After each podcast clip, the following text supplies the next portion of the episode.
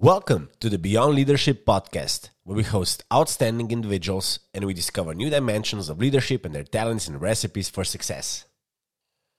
This is our 39th audio tip of the week. Here are some fun facts about number 39. Did you know that 39 is Japanese internet chat slang for thank you?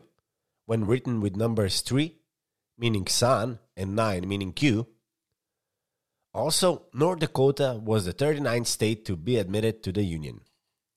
And 39 is the atomic number for yttrium. Now, today's tip of the week is based on the article The Psychology Behind Meeting Overload, written by Frick, George, and Kaufman, published in November 2021 in Harvard Business Review. Bad meetings are the bane of the corporate world.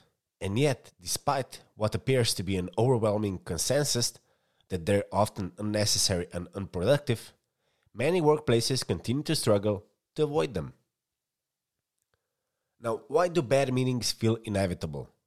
Are we really redesigned to sitting in, or worse, leading pointless meetings? We shouldn't be. Here are common reasons you might be back to back every single day and how you can get your and your team's schedule under control. FOMO.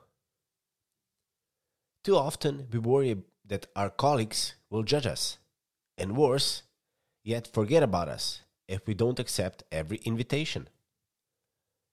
Instead of RSVPing, yes, demonstrate your value and engagement outside of meetings and encourage your team to do the same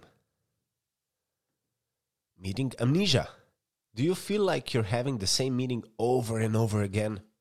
You might be. Make it a routine to take notes and share those summaries with attendees and any relevant stakeholders who weren't present. Keeping consistent and accessible synopsis of your team's meetings will help you avoid retreading the same ground. Lack of accountability.